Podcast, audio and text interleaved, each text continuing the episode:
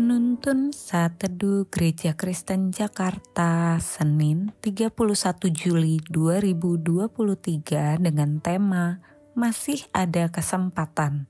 Firman Tuhan terambil dari Matius 4 ayat 19 dan Yohanes 21 ayat 15 sampai 19 berkata demikian. Yesus berkata kepada mereka, "Mari, ikutlah aku dan kamu akan kujadikan penjala manusia. Sesudah sarapan, Yesus berkata kepada Simon Petrus, "Simon, anak Yohanes, apakah engkau mengasihi Aku lebih daripada mereka ini?"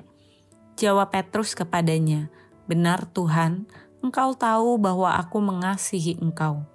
Kata Yesus kepadanya, "Gembalakanlah domba-dombaku." Kata Yesus pula kepadanya untuk kedua kalinya, Simon anak Yohanes, apakah engkau mengasihi aku? Jawab Petrus kepadanya, Benar Tuhan, engkau tahu bahwa aku mengasihi engkau.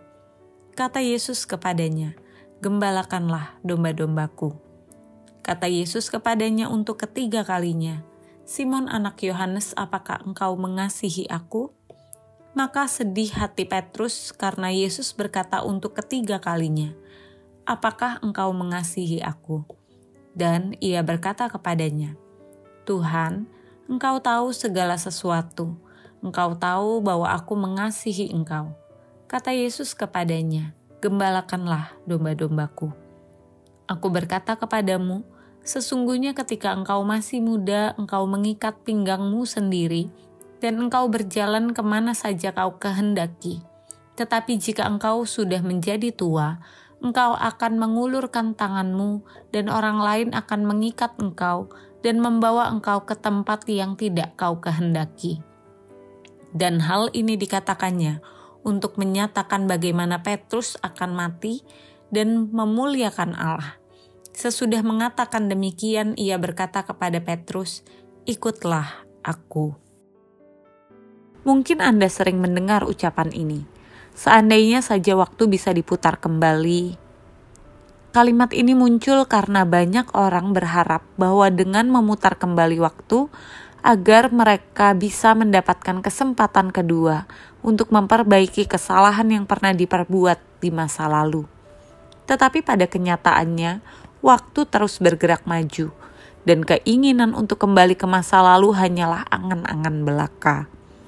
Namun, bukan berarti karena waktu tidak dapat diputar kembali, Tuhan tidak memberikan kesempatan kedua. Tuhan memberikan kesempatan kedua itu dengan masih memberikan nafas kehidupan setiap harinya. Sesungguhnya, kesempatan kedua itu tersedia bagi semua orang. Petrus, salah satu murid Yesus yang sangat pemberani, justru menyangkal pengenalannya akan Kristus sebanyak tiga kali pada waktu Yesus ditangkap dan dilecehkan banyak orang. Petrus yang pernah tampil menonjol harus menangis dengan penuh penyesalan karena ia gagal mempertahankan pengakuannya terhadap Sang Mesias. Kisah Petrus ternyata tidak berakhir sampai di sana. Setelah kebangkitan, Yesus mendatangi Petrus secara pribadi dan berbicara empat mata dengannya. Yesus seakan mengulang lagi momen pertemuan pertama antara mereka berdua di Danau Galilea. Yesus memberikan kesempatan kedua kepada Petrus untuk menjalankan tugasnya. Sadarkah kita jika hidup kita sekarang ini adalah kesempatan kedua yang dianugerahkan oleh Tuhan? Memang kejatuhan Adam dan Hawa ke dalam dosa seakan menutup semua kesempatan kedua Keputusan dari Adam dan Hawa untuk melawan kehendak Allah telah mengantarkan mereka kepada kematian rohani, yaitu keterpisahan dengan Allah. Namun Allah selalu membuka tangannya lebar-lebar untuk menawarkan kesempatan kedua melalui karya salib Kristus yang sempurna bagi kita. Karya yang menyelamatkan kita dari hukuman dosa dan memberi hidup yang kekal bagi setiap orang yang percaya kepadanya. Kesempatan kedua dari Yesus juga tersedia untuk setiap kita hari ini. Masa lalu kita yang kelam itu bukan persoalan bagi Tuhan, karena kedatangannya justru akan memulihkan hidup kita. Tuhan Yesus memiliki rencana yang luar biasa dalam hidupmu. Oleh karena itu, Dia mau memberimu kesempatan kedua.